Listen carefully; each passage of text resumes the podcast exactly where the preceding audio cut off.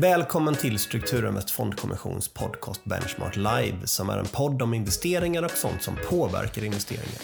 Jag heter Peter Jönsson och jobbar som sales på Strukturinvest. Strukturinvest Fondkommission tillverkar olika typer av finansiella placeringar samt har en marknadsledande depåplattform där bolagets kunder kan handla det mesta som är börsnoterat. Strukturinvest har idag cirka 16 000 kunder som tillsammans har ungefär 17 miljarder kronor på sina depåer hos bolaget. Och där är vi då igång med Benchmark Live avsnitt 13. Idag kommer vi ha ett specialavsnitt som framförallt kommer handla om det val som inträffar var fjärde år i världens viktigaste och mäktigaste land, nämligen valet till president av Amerikas förenta stater. Eftersom detta är en ekonomipodd så ska vi såklart koppla ihop valet med de finansiella marknaderna. Och vad passar då bättre än att i studion idag välkomna Sean George som med nära 25 års erfarenhet av att jobba på Wall Street har väldigt god insyn i hur valet kommer att påverka oss alla. Så välkommen till Benchmark Live Sean. Ja, tack att vara med igen. Har du haft en härlig eh, sommar och förhöst? Ja, det har jag väl väldigt, mycket i Sverige. Men, mm. Det blir ju så de här tiderna. Ja, precis. Och med amerikansk pass så blir det ju ändå mer så. så att, ja. Nej, men det har varit, varit bra. Det har varit ett bra år för oss. Vi nominerade till Årets hedgefond. Mm, vad kul. Så att, det var kul att få den. Så att Eurohedge är den stora. Den som alla vill vinna. Så att, och då vi är de, bland de fyra bästa fonderna i Europa. Ja, det är fantastiskt. För kredit. Då. Och sen när vi tittar på Eh, de andra fonderna så är det en fond som har högre avkastning än oss, men eh, de har en Sharp som är 0,8. Just det, är riskjusterad avkastning. Ja, precis. Ja, och våran, eh, för den tidsperioden de tog är 1,9. Okay. och det innebär egentligen att för varje enhet risk du lägger på så får du 1,9 enheter avkastning. Ja, precis. precis. Och man vill ju helst ha över 1 gissar jag på. Ja, över 1 är väldigt bra. Mm. De flesta eh, ligger någonstans runt nollan-ish. Mm. Eh, om, du är, om du är plus så är det bra, om du är minus så är det dåligt. Är du mm. över ett så det är riktigt bra. då. Och vi ligger även eh, den här tidsperioden eh, nu, i den stökiga tidsperioden, då, så, så ligger vi över, långt mm. över. Det är jättebra. Så. Ja, de flesta vet säkert vem du är. Kan du bara kort förklara varför du tror dig kunna någonting om amerikanska politiken? Dels är jag amerikan mm. och röstar i USA. Så att jag, mm. som medborgare så har man en skyldighet att vara lite insatt i det, det som sker. Mm, eh, och sen eh, handlar jag en global fond. Vi handlar inte SEK. Eh, obligationer. Alla som lyssnar vet Vi kommer säkert in lite på det senare. Ja, okay. eh, så, men, um, men så att de, vad som sker i valet i USA har stora på, stor påverkan på finansiella marknader globalt. Mm. Eh, och eh, vi har även eh, risk i portföljen eh, både på lång och kortsidan i USA eh, som vi tar ställning till eh, olika utfall i mm. amerikanska valet. Då. Och så har du jobbat på Wall Street i 25 år ungefär? Ja, 20 år. 20 år. 20 år. Ja. Det känns som 25, eller hur? Ja, det känns, det känns som 40. jag tänka mig det. Jag tror att vi, vi börjar med att prata lite om kandidaterna. Mm. Den sittande presidenten heter Donald Trump mm. och han har ju nu om några månader varit president i fyra år. Vad tycker du att han har åstadkommit? Både bra och dåliga saker, men liksom, vad har varit hans grej de här fyra åren? Eh, det är väl det absolut bästa. Det är de två grejerna som jag skulle säga eh, eh, är bra. Att han har ändrat världens ton mot Kina. Mm. Och de har blivit synade på ett sätt som jag tror inte de var förberedda på. Att deras beteende, typ Belt and Road, liksom skuldsätta fattiga nationer, eh, betala massor med pengar till, i många fall, diktaturer eh, som förtrycker sitt eget folk för att få tillgång till deras råvaror och eh, hamnar och så vidare. Eh, som att de snor eh, intellektuella eh, properties från, eh, från eh, alla bolag i hela världen. Att de använder WTO som, som en fiol för att spela deras låtar. Eh, och sen den här militära aggressionerna eh, mot eh, Taiwan och eh, China Straits samt folkmord av Urgis. om man lägger, mm. sammantaget lägger fram det så är det en nation som man ska nog trycka tillbaks om vi ska ha den här öppenheten och friheten som vi har i väst som, som är ändå viktig del i världsordningen det var lite på tiden att någon politiker inte var politiskt korrekt, om man uttrycker det så. Ja, och det, han var ju särskilt anpassad för att Nej. vara den personen. Då. eh, och, eh, så det är väldigt bra. Och jag mm. tror att det, det, om man tittar tillbaka på honom i historieböckerna så är listan på grejer som han inte varit bra på eh, hyfsat lång. Eh, men jag skulle säga han har i alla fall tagit tag i kanske den största hotet mot västvärlden som vi har sett sedan mm. kalla kriget. Mm. Uh, och Our Way of Life. Uh, uh, och sen det som har hänt i Mellanöstern, att du har en hel del Mellanösterns stater som har ett bra samarbete med Israel. Eh, det, det, är förvånansvärt. Mm. Eh, och eh, positivt tycker jag, därför att det, de bråken där nere har ju kostat, skördat många liv, både i västvärlden och i inhemska liv. Då. Så, så, jag tycker det, det är oerhört positivt att se den utvecklingen i Mellanöstern har faktiskt gått lite framåt. Och sen Många amerikaner tycker att det är positivt att han har tagit hem soldater ifrån alla de här krigen som USA har varit inblandad på ett eller annat sätt, eh, mm. öppet eller icke öppet, i, i Mellanöstern. Då. Uh, och uh, det är väl de stora grejerna. Skattesänkningarna har genomfört också. Ja, men liksom om man är fiskal uh, liksom, hög som jag är så, så statsskulden har ju, den skenade iväg mm. innan uh, coronapandemin och av förklarliga skäl och uh, förståeliga personliga skäl och jag eh, supportar det som har hänt efter pandemin. Men man får komma ihåg att de här intäkterna eh, kommer inte på samma sätt som man sa eh, skulle komma. Nej, eh, så givetvis börserna har ju steg, stigit och så vidare. Eh, men statsfinanserna har ju raserats mm. eh, avsevärt. Då, mm, Eh, det som, han, det som jag tror att han kommer komma ihåg, eh, komma sig ihåg för på allra sämst på negativa sidan är eh, tonläget i USA och eh, hur polariserad eh, USA är. Jag har aldrig sett mitt land eh, vara så som den är idag och mm. det är oerhört tragiskt. Eh, så att det, det kommer vara den största nackdelen med honom när man tittar tillbaka på, på eh, historieböckerna under hans ämbetstid. Mm. Att eh, polariseringen i USA har ökat. Ja, precis. Ja, han, han, har inte varit en uniter utan en divider ja, istället. Precis, precis. Mm.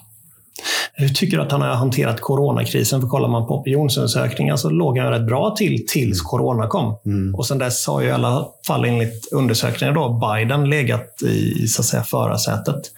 Ja, jag tror att det är det som eh, liksom dödstalen i USA jämfört med resten av världen, att han liksom uttryckligen sa att det här kommer bara försvinna. It's a democratic hoax. Liksom, mm. en, en, och vad betyder det exakt på svenska? En demokratisk bluff? Eller? Ja, ja, precis. Att de försöker skada honom med att säga att det här viruset är farligt. Då.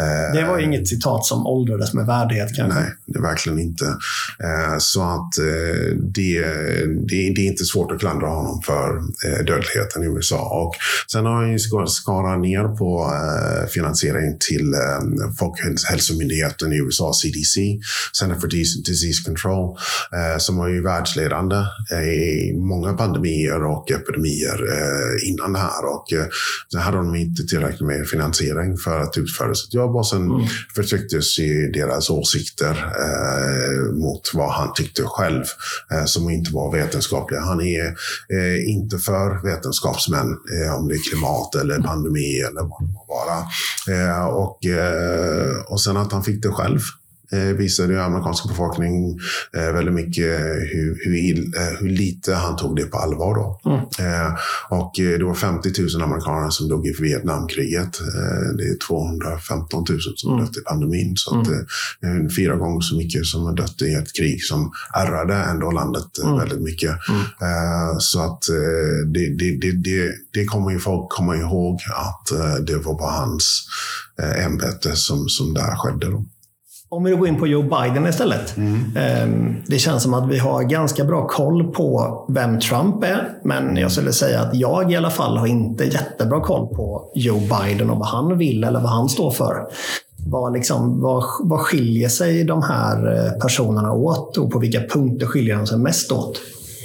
Eh, de skiljer sig mest åt att Biden är en karriärspolitiker. Ja, det. Så han har varit med i systemet från ungdomsåren? Ja, liksom. precis. Han är en person som skulle försöka föra samman landet. Den här divide and conquer-taktiken mm. är inte Bidens. Han är mer för en globaliserad värld. Eh, det är inte att säga att han kommer eh, gå tillbaka in i Mellanöstern med amerikanska trupper, men jag, jag skulle se en värld där han eh, samarbetar med Europa på ett helt annat sätt än vad han gör idag.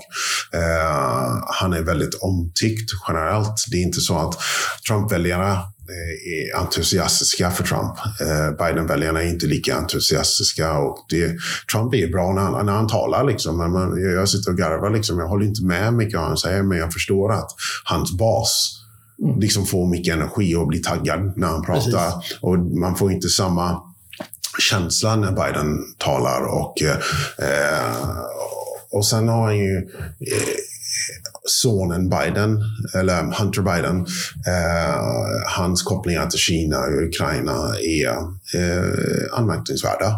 Kan man ju säga. Vad är det som har hänt? Jag tror att... Han är ju med ett private equity-bolag, tror det var, eller ja, tror, tror det var private equity-bolag i, i Kina som finansieras till nästan 100 procent av kinesiska staten. Ah, okay. Där han är som delägare som har suttit med i några styrelser i Ukraina. Uh, ja, som liksom det här private equity-kontraktet fick han eh, när han åkte till Kina på Air Force One, alltså statsflygplanet mm. med sin pappa och Obama.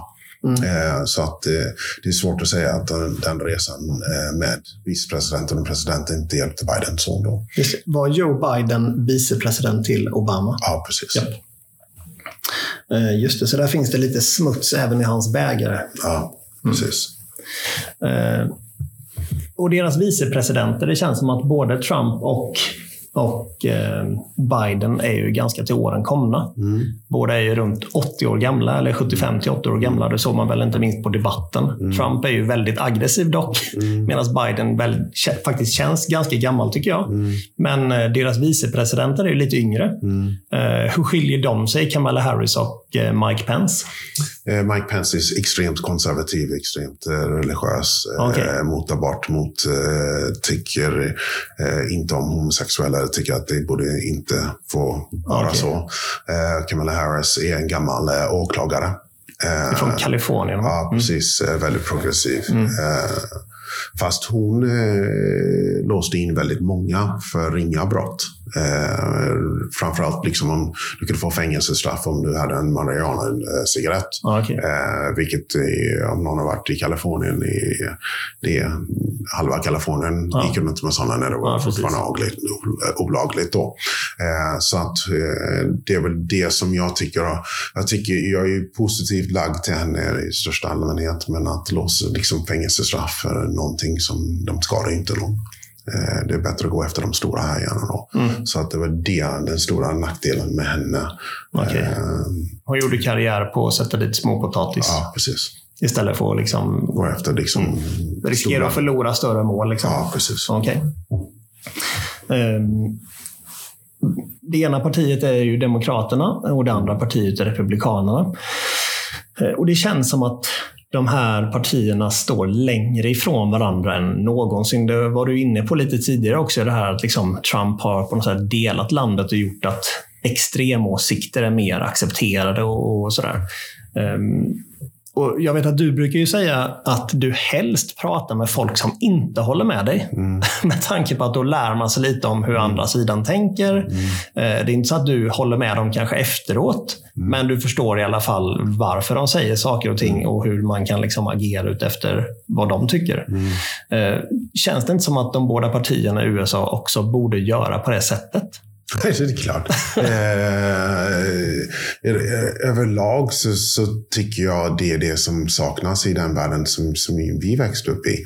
Jag kommer ihåg, liksom, när vi, jag är lite äldre än dig, men det, när, när, liksom, den stora händelsen för mig som, som ung tonåring var liksom Berlinmuren kom ner. Och, mm. eh, liksom världen, liksom, all den här öppenheten och globaliseringen och alla möjligheterna som, som man hade. Eh, då. Och sen tittar man på tonläget nu. Liksom, antingen är du liksom på vänster sida eller höger sida. Eh, det finns ju inte så mycket i mitten kvar. Eh, och jag, jag säger inte att man inte bör vara någonting. Men när man är så långt, när man står och håller andan på sin punkt och inte vill lyssna eh, på den andra punkten. Och pratar och inte lyssnar. Eh, det är inte en värld som, som kan göra framsteg eller lösa de här stora problemen som vi ändå har i, Nej, i världen idag. Eh, att liksom, folk måste ju börja lyssna mer och det är även politiker som har drabbats av det här. Så att gemene man, eh, om det är på Twitter eller Facebook eller vad, vad det må vara, eh, att det här tonläget folk vill säga det de säger utan att få någonting tillbaka och liksom eh, blocka och liksom det, det liksom okay, om någon är liksom rasist eller nazist, mm. okej, okay, jag behöver inte lyssna på dem. Men det finns ju mycket att ta ifrån liksom varför tycker vänstern X, varför tycker högern Y? Eh, och någonstans är liksom sanningen eller den rätta vägen där alla är lagom missnöjda. Därför det är så det de flesta förlandringarna som är bra över tid är att båda sidor går därifrån lagom missnöjda men förstår att de var tvungna att vara där för att få den andra att inte vara helt missnöjd. Mm. Eh, och eh, då, då, har man ju en, eh, en gemenskap i besluten i alla fall. Eller, eller vägledningen av ett beslutstagande. Och det, det tycker jag saknas i politiken eh, väldigt mycket det känns ju kanske inte som att bara är politiken.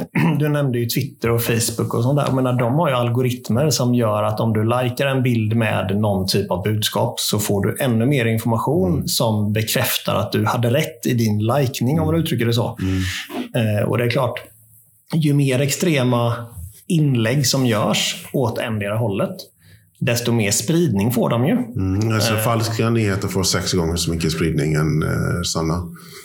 Ja, det är otroligt. Mm. Det, eh, det, är klart bra. att det blir mycket fake news då, som ja, Trump säger. Ja. Men det är ju åt båda hållen å andra sidan. Ja, det känns som att han sprider en del fake news också. Ja, absolut. Liksom. Men inte det är en väldigt oroväckande utveckling att de här algoritmerna som vi spenderar så mycket tid med, mm. Eh, med liksom Facebook och Twitter och Instagram och allt vad det heter. Att vi hela tiden då fidas med det som vi gillar istället för att se den andra sidan. För då blir det ju att världen blir väldigt ensidig och då har man ännu mindre förståelse för hur några andra kan tycka någonting annat. Mm. När de aldrig ser det budskapet ens. Mm. Precis. Eh, sociala medier är ju inte bara positivt. Nej, verkligen inte. Eh, jag skulle säga att det Definitivt. Och sen, och sen är det ju fantastiskt på många sätt också. Jo, men jag hade hellre skippat och komma i kontakt med min klasskompis från gymnasiet än att se vad som sker på sociala medier, kan jag ju säga. Mm. Mm. Så att, eh, jag är inte mycket för det. Nej. Och sen använder vi det. Det är, så, det, det är inte det. Nej, nej, precis. Jag menar, du har blivit väldigt stor på Twitter faktiskt för att du är en person som vågar säga vad du tycker ja, eh, och inte är rädd för liksom att vara politiskt korrekt hela tiden Nej. och inte trampa på några tår. Utan jag menar, det här med illikviditeten i nordiska företagsobligationer mm. har du pratat om på Twitter i två års tid, så länge jag har känt dig, nästan mm. säg tre år. Mm. Um, och det är ju tur att någon vågar säga det mm. innan eh, krisen är här, vilket mm. år den var i mars. Nej, det, man måste säga vad man tycker och så får man ju acceptera att alla inte håller med. Ja, men precis. Eh, och eh, liksom, eh, eh det är bara bra när folk inte håller med mig. Mm. Därför att eh, alla måste inte hålla med. Liksom. Nej, nej. Det, det, det, jag förväntar mig inte och hoppas inte att alla, alla håller med mig. Därför att det, liksom, då blir det ingen dialog. Eh, och en dialog, liksom, man måste om, om jag lägger ut att jag tycker någonting och någon tycker emot, om man har en dialog om det, eh, och man har en öppen dialog som man kan ha faktiskt på Twitter. Därför det, jag tycker det är bra medium på det sättet. Eh, då, då i alla fall, då kan någon som inte är insatt i den frågan se en dialog med två personer som är mer eller mindre insatta i frågan mm. och bilda sin egen uppfattning om var de personligen står. Mm. Så att jag välkomnar eh, diskussionerna.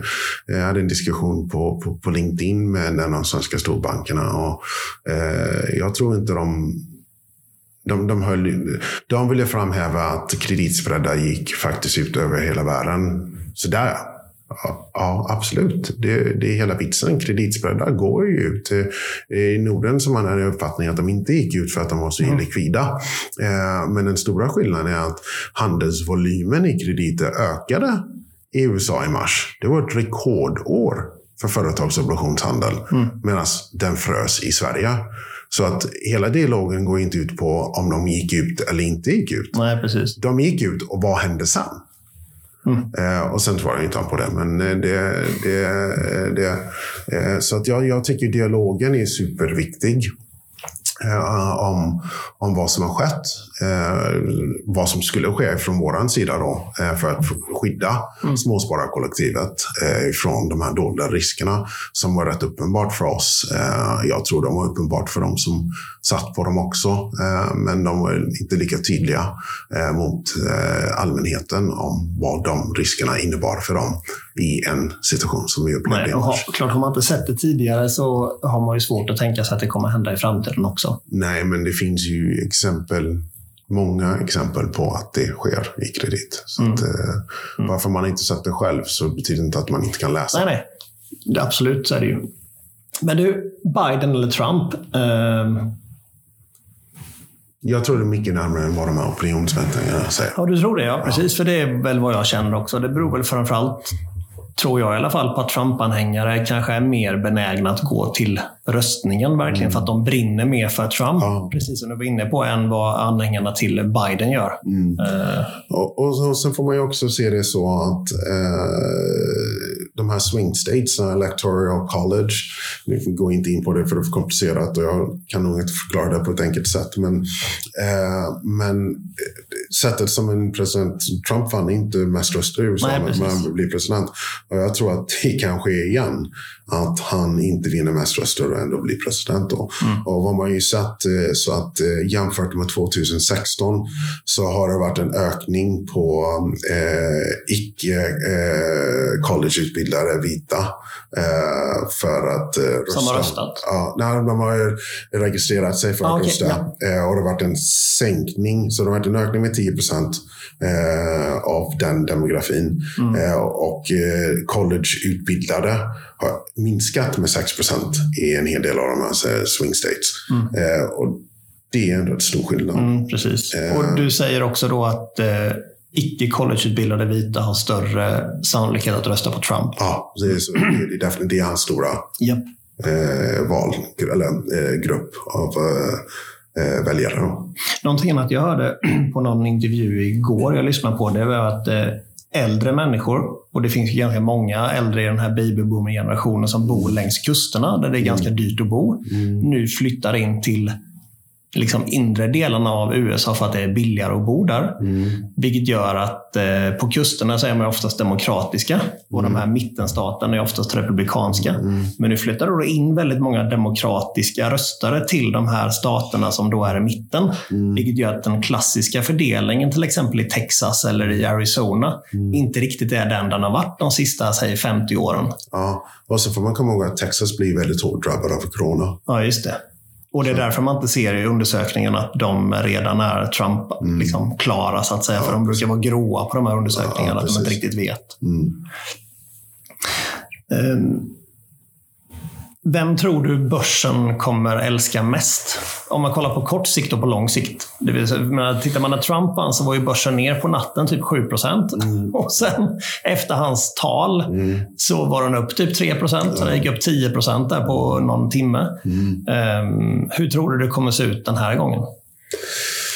Jag tror inte det kommer vara någon presidentval natten.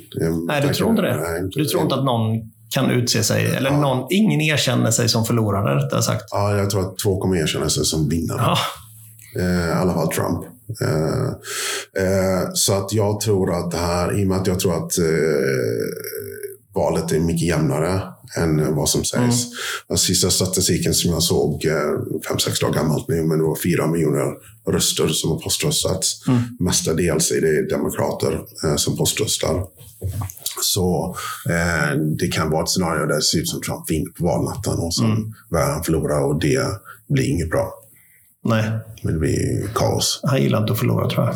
Nej, och framförallt liksom, han ser ut som segrare och sen helt plötsligt kommer massor med poströster som gör att han blir förlorare. Och jag tror bokstavligen kan liksom vara liksom, eh, våldsamma kravaller där folk dör mm. eh, i den här processen. Det blir lite bananrepublik när man förlorar ett val och inte erkänner sig förlorad. Ja, precis. Det känns som en eh, Ja, Foreign Policy hade en jättebra artikel ute igår om just ah, okay. att, att eh, USA börjar eh, bete sig som en emerging market. Mm. Det hög skuldsättning, mm. liksom, o, o, o, oklarheter runt en demokratisk eh, överlämning av makt och, och, så vidare. Det är, liksom, det är många kännetecken som, som är mm. en emerging markets eh, eh, eh politiskt system. Då. Mm. Men vad du egentligen säger är att vem som vinner är inte lika viktigt om vi får en tydlig vinnare. Mm. Men eh, den största risken är att, att ingen ja, eh, vinner egentligen. Ja, eller precis. båda vinner. Men om jag, säger, om jag svarar på frågan mer direkt så är det Eh, Trump i närtid är bäst för börsen. Ja, just det. Eh, Inga skattehöjningar och så vidare. Ja, precis. Och skattesänkningar på capital gain-skatten mm. och så vidare. Eh, och båda två kommer köra infrastruktur, så skriker om det. Men jag tror att om, om Demokraterna vinner eh, Vita huset, kongressen och huset eh, så, eh, så kommer det vara MMT Eh, det vill säga eh, monetary theory, vilket betyder att det kommer att spenderas hutlöst med pengar. Eh, så ännu mer statsskuld? Ja, ännu mer statsskuld, men framförallt mycket fiskala stimulanser då i ekonomin, så att det skulle skjuta upp börsen. Så att jag tror att en, en, en, en, en stor Biden-seger, börsen upp stort en stor, eller en Trump-vinst som ser hyfsat klar ut, börsen upp. Oklarheter runt vem som har vunnit, börsen ner. Mm. Om vi går in på det med statsskulden. Jag tror att USA har över 130 procent i statsskuld jämfört med BNP nu. Mm. Um, och i år så kommer de att landa på typ 3 500 miljarder dollar i budgetunderskott. Mm. Och de no biggie. Vad sa du? No biggie. Nej, klart. Om man, har, om man då har reservvalutan så är det inte så mycket biggie. Men de har ju då haft budgetunderskott nästan varje år sedan 1971 när de gick ifrån liksom guldstandarden. Mm. Och jag vet att du får den här frågan ofta med liksom, eh, US-dollar är fortfarande king och det är den ju fortfarande. såg man i mars när den stack upp liksom 15 procent på tre mm. veckor när alla blev rädda. Liksom. Men hur länge kan ett land liksom plåstra över budgetunderskott med nytryckta sedlar? Um, det är ett relativt spel. Mm. Eller hur menar du då? Uh, Japan gör samma sak. Europa gör samma sak. USA gör samma sak. Just det, så USA är inte bra, men de är den bästa av de dåliga. Ja, precis. Just det. Ja, men det är, väl, eh, det är väl bra. Samtidigt så är det klart, Biden försöker höja skatterna, vilket känns som att man kanske behöver om man har budgetunderskott varje år, alltid. Mm, eh, Medan Trump då vill sänka skatterna, vilket mm. kanske rimligtvis kommer öka budgetunderskottet. Mm. Precis, det är, det är min dotters problem. Ja, just det. Precis. Så att, eh, det man skuldsätter nästa generation på ett sätt som är helt orimligt. Mm. Och det gör man ju inte bara i USA. Andra nej, nej, det gör man i EU också. Och Sverige inte på samma sätt kanske, men Japan och många andra länder. Mm, precis. Vi är ju trots allt mitt i en av de kanske värsta kriserna ekonomiskt sedan 30-talet. Mm. En jättestor chock som inträffade för hela världen egentligen i, i mars, april. Um, men, och väldigt många har förlorat jobbet. I USA är det väl en 10-12 miljoner som fortfarande är arbetslösa jämfört med hur det var innan corona kom. Mm. Och ändå är börsen på all time high. Mm. Varför? Ja, för så som jag läste i skolboken, när det är lågkonjunktur och saker och ting är dåligt i världen, då brukar aktiepriserna gå ner i värde. De gjorde det i mars. De gjorde det. Men sen så har de liksom rallat upp till nya all time highs. Ja. Det, det, är inte riktigt så jag lärde mig ekonomi. Vad är, vad är det som har hänt? Jag tycker du det är konstigt? Ja, lite konstigt tycker jag det Lite konstigt. Ja, men är det så att eh, marknaden, risktillgång är alltid framåtblickande. Eh, och vad marknaden säger är att vi har haft en kris. Och sen fick du centralbankerna på banan som man aldrig sett för och snabbheten till stödpaketen från världens centralbanker. Var, och politiker. Ja, precis. Det är liksom nästa del. Eh, men du har en fiskal respons som, som kommer efter den. Politiker lite långsammare. De har inte samma eh, lätthet. De måste ju, det är demokrati i de flesta ställen. Eh, men fiskala eller kvantitativa responsen var blixtsnabb. Eh, och sen eh, var fiskala responsen eh, väldigt stark. Eh, ingen av de här två grejerna kommer att tas bort eh, under överskådlig tid. Eh, du säger ett år, ett och ett halvt år, mm. två år, något sånt där. kvantitativa kommer stanna längre. Och sen är, är den här krisen annorlunda än de flesta. Eller, jag, inte, jag, jag levde inte 1918. Eh, men så att den här krisen är annorlunda i den bemärkelsen att den, vi vet vad vi behöver göra för att åtgärda den. Vi behöver vaccin. Mm. Eh, och aldrig förr har så många kämpat så mycket eh, för att få fram en vaccin. Eh, och om de här fiskala och kvantitativa eh, eh, åtgärden som har ändå kommit på plan relativt snabbt, eller väldigt snabbt skulle jag säga, eh, kan hålla ekonomin flytande, levande, liksom i en dvala, vad man vill kalla det, fram tills man får faktiskt lösningen på problemet, liksom en, en, en, en vaccin. Eh, då, då kommer ekonomin skjuta i, i fart. Då. Mm. Eh, eh, och jag tror att vi är en ny bullmarknad liksom, eh, på tillgångspriser och så vidare. För att, mm. Eh, alla de här pengarna som har satts in för att eh, eh, stoppa en depression, bokstavligen, kommer finnas kvar. och lösningen kommer också finnas någon gång mm. första kvartalet nästa år. Och det är det som marknaden tittar på. Det är inte det som vi befinner oss i nu idag. Många pratar om att det blir inflation när man trycker massor med pengar. Det har vi sett tidigare typ i Venezuela, eller Argentina eller Weimarrepubliken Tyskland.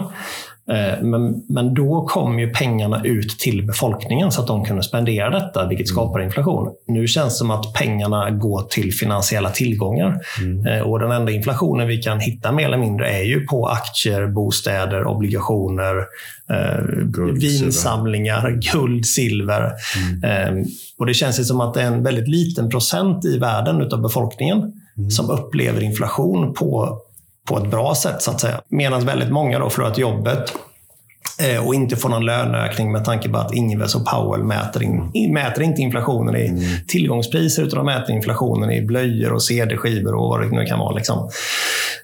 Eh, och Det här skapar väl också någon form av eh, isärdragning, det vill säga ojämlikheterna blir ju bara större och större när 12 miljoner amerikaner tappat jobbet sedan i mars. Men Jeff Bezos är rikare än någonsin. Mm. Det är klart att och lägger man då ihop det här med Donald Trump och hans liksom twittrande och sociala medier som vi var inne på tidigare, så blir det ju ganska delat samhälle. Mm. Eh, och vi ser ju redan idag att det här med social oro som du har varit inne på ganska länge, till exempel ditt årsbrev från förra året i Hamiltonien, att det, liksom, det kan poppa upp om det här fortsätter. Mm. Eh, och det finns ju det finns ju tillfällen i historien då väldigt få har haft det väldigt, väldigt bra och väldigt många har haft det lite sämre. Mm. Eh, franska revolutionen till exempel. Mm. Väldigt många är förbannade på väldigt få. Då slutar det illa till slut. För de få? Ja, för, för de få, precis. eh, men, men tror du liksom att vi kan få se mer social oro framöver? Mm. Så vad jag tror och jag tycker de flesta som lyssnar kan nog hålla med om är vad, vad som hänt i pandemin så är att allting positivt och allting negativt har förstärkts. Mm. Eh, och det här är en av de negativa grejerna som förstärks. Eh, som du var inne på, att de rikare har blivit rikare och de fattigare har bokstavligen blivit fattigare. Eh, teknologi har flyttats fram varför alla techaktier går så bra. Att eh, vi har lärt oss att, vet du vad? Jag behöver kanske inte åka till kontor. Jag kan göra mycket av det här liksom, eh, via internet och så vidare. Mm. Eh, så att du, du har fått en framskjutning av den teknologiska revolutionen och du har fått en framskjutning av eh, samhällsklyftorna eh, på ett sätt som är ohållbar. Då. Eh, jag personligen tror att eh, när man läser eh, om att centralbanker tittar på digitala valutor och hur de funkar. Det är inte för att de är en fan av bitcoin eller ethereum. Det är för att nästa steg för att hålla pitchforks at the gates är att, vet du vad? Vi trycker på en knapp här så får ni också lite pengar. Mm. Så att jag tror att det kommer helicopter money for the people eh, genom någon form av digital valuta inom 24 månader. För att få bukt på det där. Just det. Det vore ju ett väldigt enkelt sätt att skapa inflation och stoppa in 500 000 kronor på varje svensks konto. Mm. Eh, för då skulle det ju spenderas rätt rejält, har jag en känsla av. Jag tror inte svenskarna skulle betala tillbaka lån. Nej, det tror jag inte. De är rätt sugna på att låna mer hela tiden. Ja, de skulle vara fullt i Thailand. Mm, precis.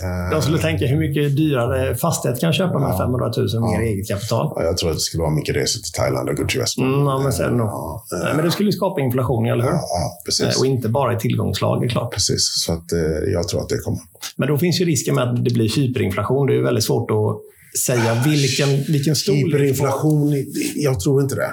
Eh, varför, varför, tror jag inte det? Därför skuldsättningen är fortfarande enorm och den ökar ju bara med en sån, sånt drag. Eh, sen har du en åldrande befolkning i Japan och i Europa. Eh, lite grann i USA, men inte lika, lika så. Eh, eh, du har eh, föds mindre barn i västvärlden än vad det gjort, gjort, gjort för.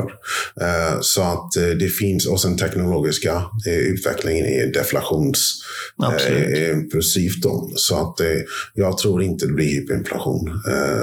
men det är klart, risken är inte noll, men det, det, det finns en hel del faktorer som förklarar varför inflationen har varit så svår att få igång sen finanskrisen. Uh, och liksom om vi tittar bara på Europa, liksom hela sö södra Europas skuldsättning gentemot norr norra Europa. Mm. Så att, uh, nej, jag, jag, tror att det är lösningen till social oro och inflation. Mm. Jättebra. Helikopterpengar. Ja, precis. Till folket. Samtidigt så är det ju väldigt bra om vi kan få lite inflation. Med ja, med de här skulderna som finns. Ja, men precis. Ja. Då äts ju de upp i reala Och så om, om eh, centralbankerna kan hålla ner um, hålla ner... Räntorna. ja, precis. Så, och det så. har ju faktiskt både Ingves för något år sedan, eller några år sedan, och Powell för några veckor sedan sa ju ifrån 2% så sa de ju 2 över tiden. Mm. Vilket de två orden gör ju att räntehöjningarna skjuts ett antal år mm. framåt. Och sen är det svårt att veta vad över tiden är i, i liksom ja, Men det är med flit.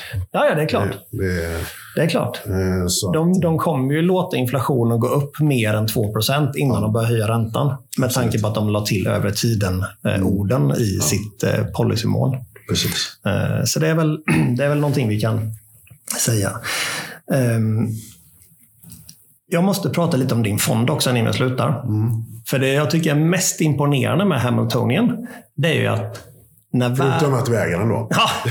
Jo, jo, men det är inte imponerande. Jag, äger, jag tycker det är imponerande. Ja, jag, äger, jag äger många bra fonder. Hamilton är en av dem. Men när världen börjar stöka riktigt rejält i mars, många fonder som har en låg risknivå, mm.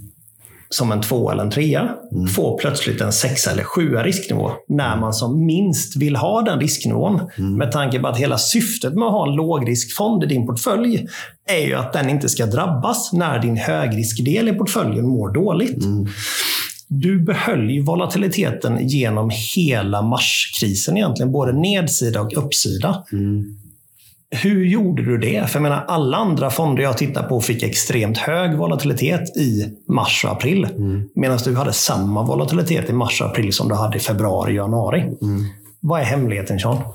Lär det kan jag inte jag berätta för dig. det är en statshemlighet. Den är lika hemlig som Blackrock-rapporten hos eh, Riksbank. jag kan ge dig 16 rader av en 32 000 sidors rapport om det där. Eh, nej, väldigt enkelt. Eh, vi, eh, vi har sett det här förut. Eh, och, eh, och sen eh, och sen när vi insåg att det som alla politiker och folkhälsomyndigheter sa att, eh, för komma ihåg att eh, Folkhälsomyndigheten i Sverige sa att corona skulle aldrig komma till Sverige.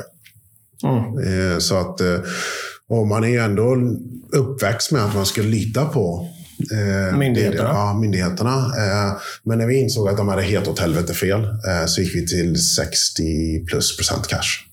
Just det, sen ökar andelen kontanter i portföljen. Ja, bokstavligen kontanter. Och kontanter har ju noll volatilitet. Ja, precis. På riktigt. Ja, på riktigt. Ja, precis. Eh, och, eh, och sen köpte vi säljoptioner på S&P och så köpte vi säljoptioner äh, optioner på eh, crossover, alltså det vill säga high yield-indexen i Europa. Ja, just det. Uh, uh, och vad som jag, du har hört mig säga det massor med kredit i negativ konvexitet. När det smäller så smäller det. och varför vi har använt säljoptioner. Jag har fått massor med frågor. Folk har inte fattat det. men folk har lärt sig vad negativ konvexitet betyder i kreditfonder i mars. vi visste det. Så att vi la in två stora instrument i portföljen som hade positiv konvexitet. Eh, det vill säga att vi ägde säljoptioner då. Eh, så, så att medan liksom de få obligationer vi hade, vi känner JP Morgan-obligation som eh, löpte på två år som inget 30 procent. Mm.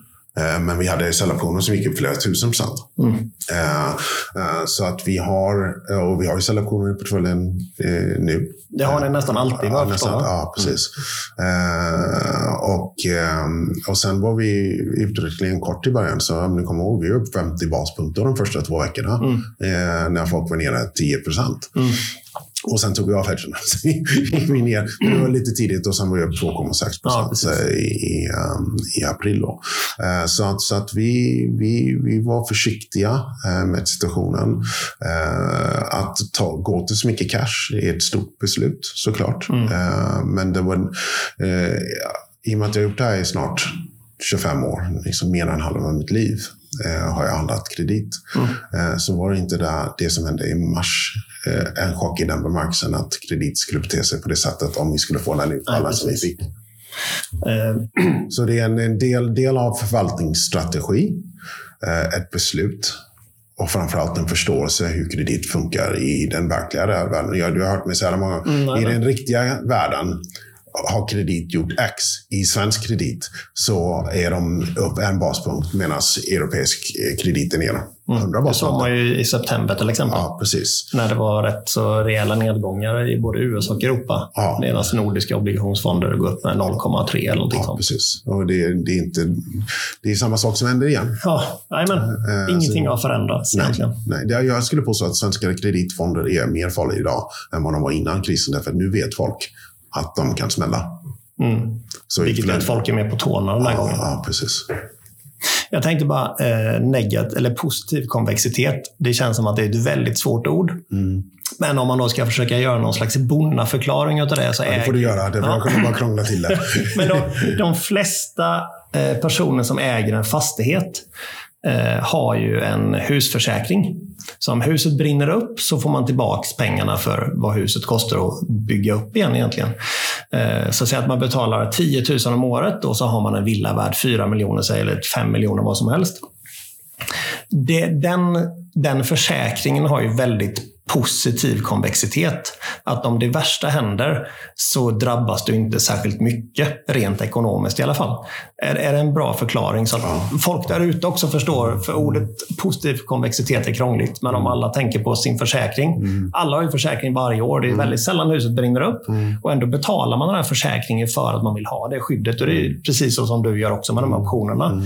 Du kanske inte behöver använda dem, men det är väldigt bra att ha dem om det blir stökigt som tusan, vilket det blir från tid till annan på de finansiella marknaderna. Och en grej som, som, som jag har fått frågan på, liksom, hur mycket av avkastningen har vi bränt på det här? Mm. Svaret är noll, vi har tjänat pengar. Ja, precis. Eh, så precis. att eh, de här hedgerna, eh, den här säljoptionen på high yield-indexen köpte vi på 51 och sålde på 1570.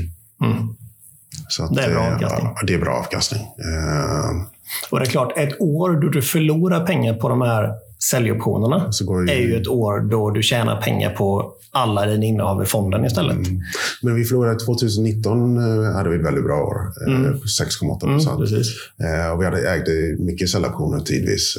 Och vi tjänade pengar på säljoptioner. Mm. Där vi tog av dem när det small. Precis. Det, viktigaste är ju att köpa säljoptionerna när försäkringen är billig. Ja. Så man inte börjar köpa dem när huset har börjat brinna. för då är det väldigt dyrt att ringa Ja, till precis. försäkringsbolag X och säga du mitt hus brinner, jag behöver en husförsäkring. Då blir det ganska dyrt. Det är samma sak med livförsäkring. Du vill inte Ja, köpa en precis. livförsäkring när du har fått en cancerdiagnos. Nej, nej men precis. Exakt. Eh, och det är så att eh, när jag liksom har precis sprungit en, eh, en mara- maraton och är som friskast, då köper jag säljoptioner. Mm. Ja, eh, och när jag är sjuk, och, men läkaren säger att jag kommer klara mig, då säljer jag dem tillbaks. Mm.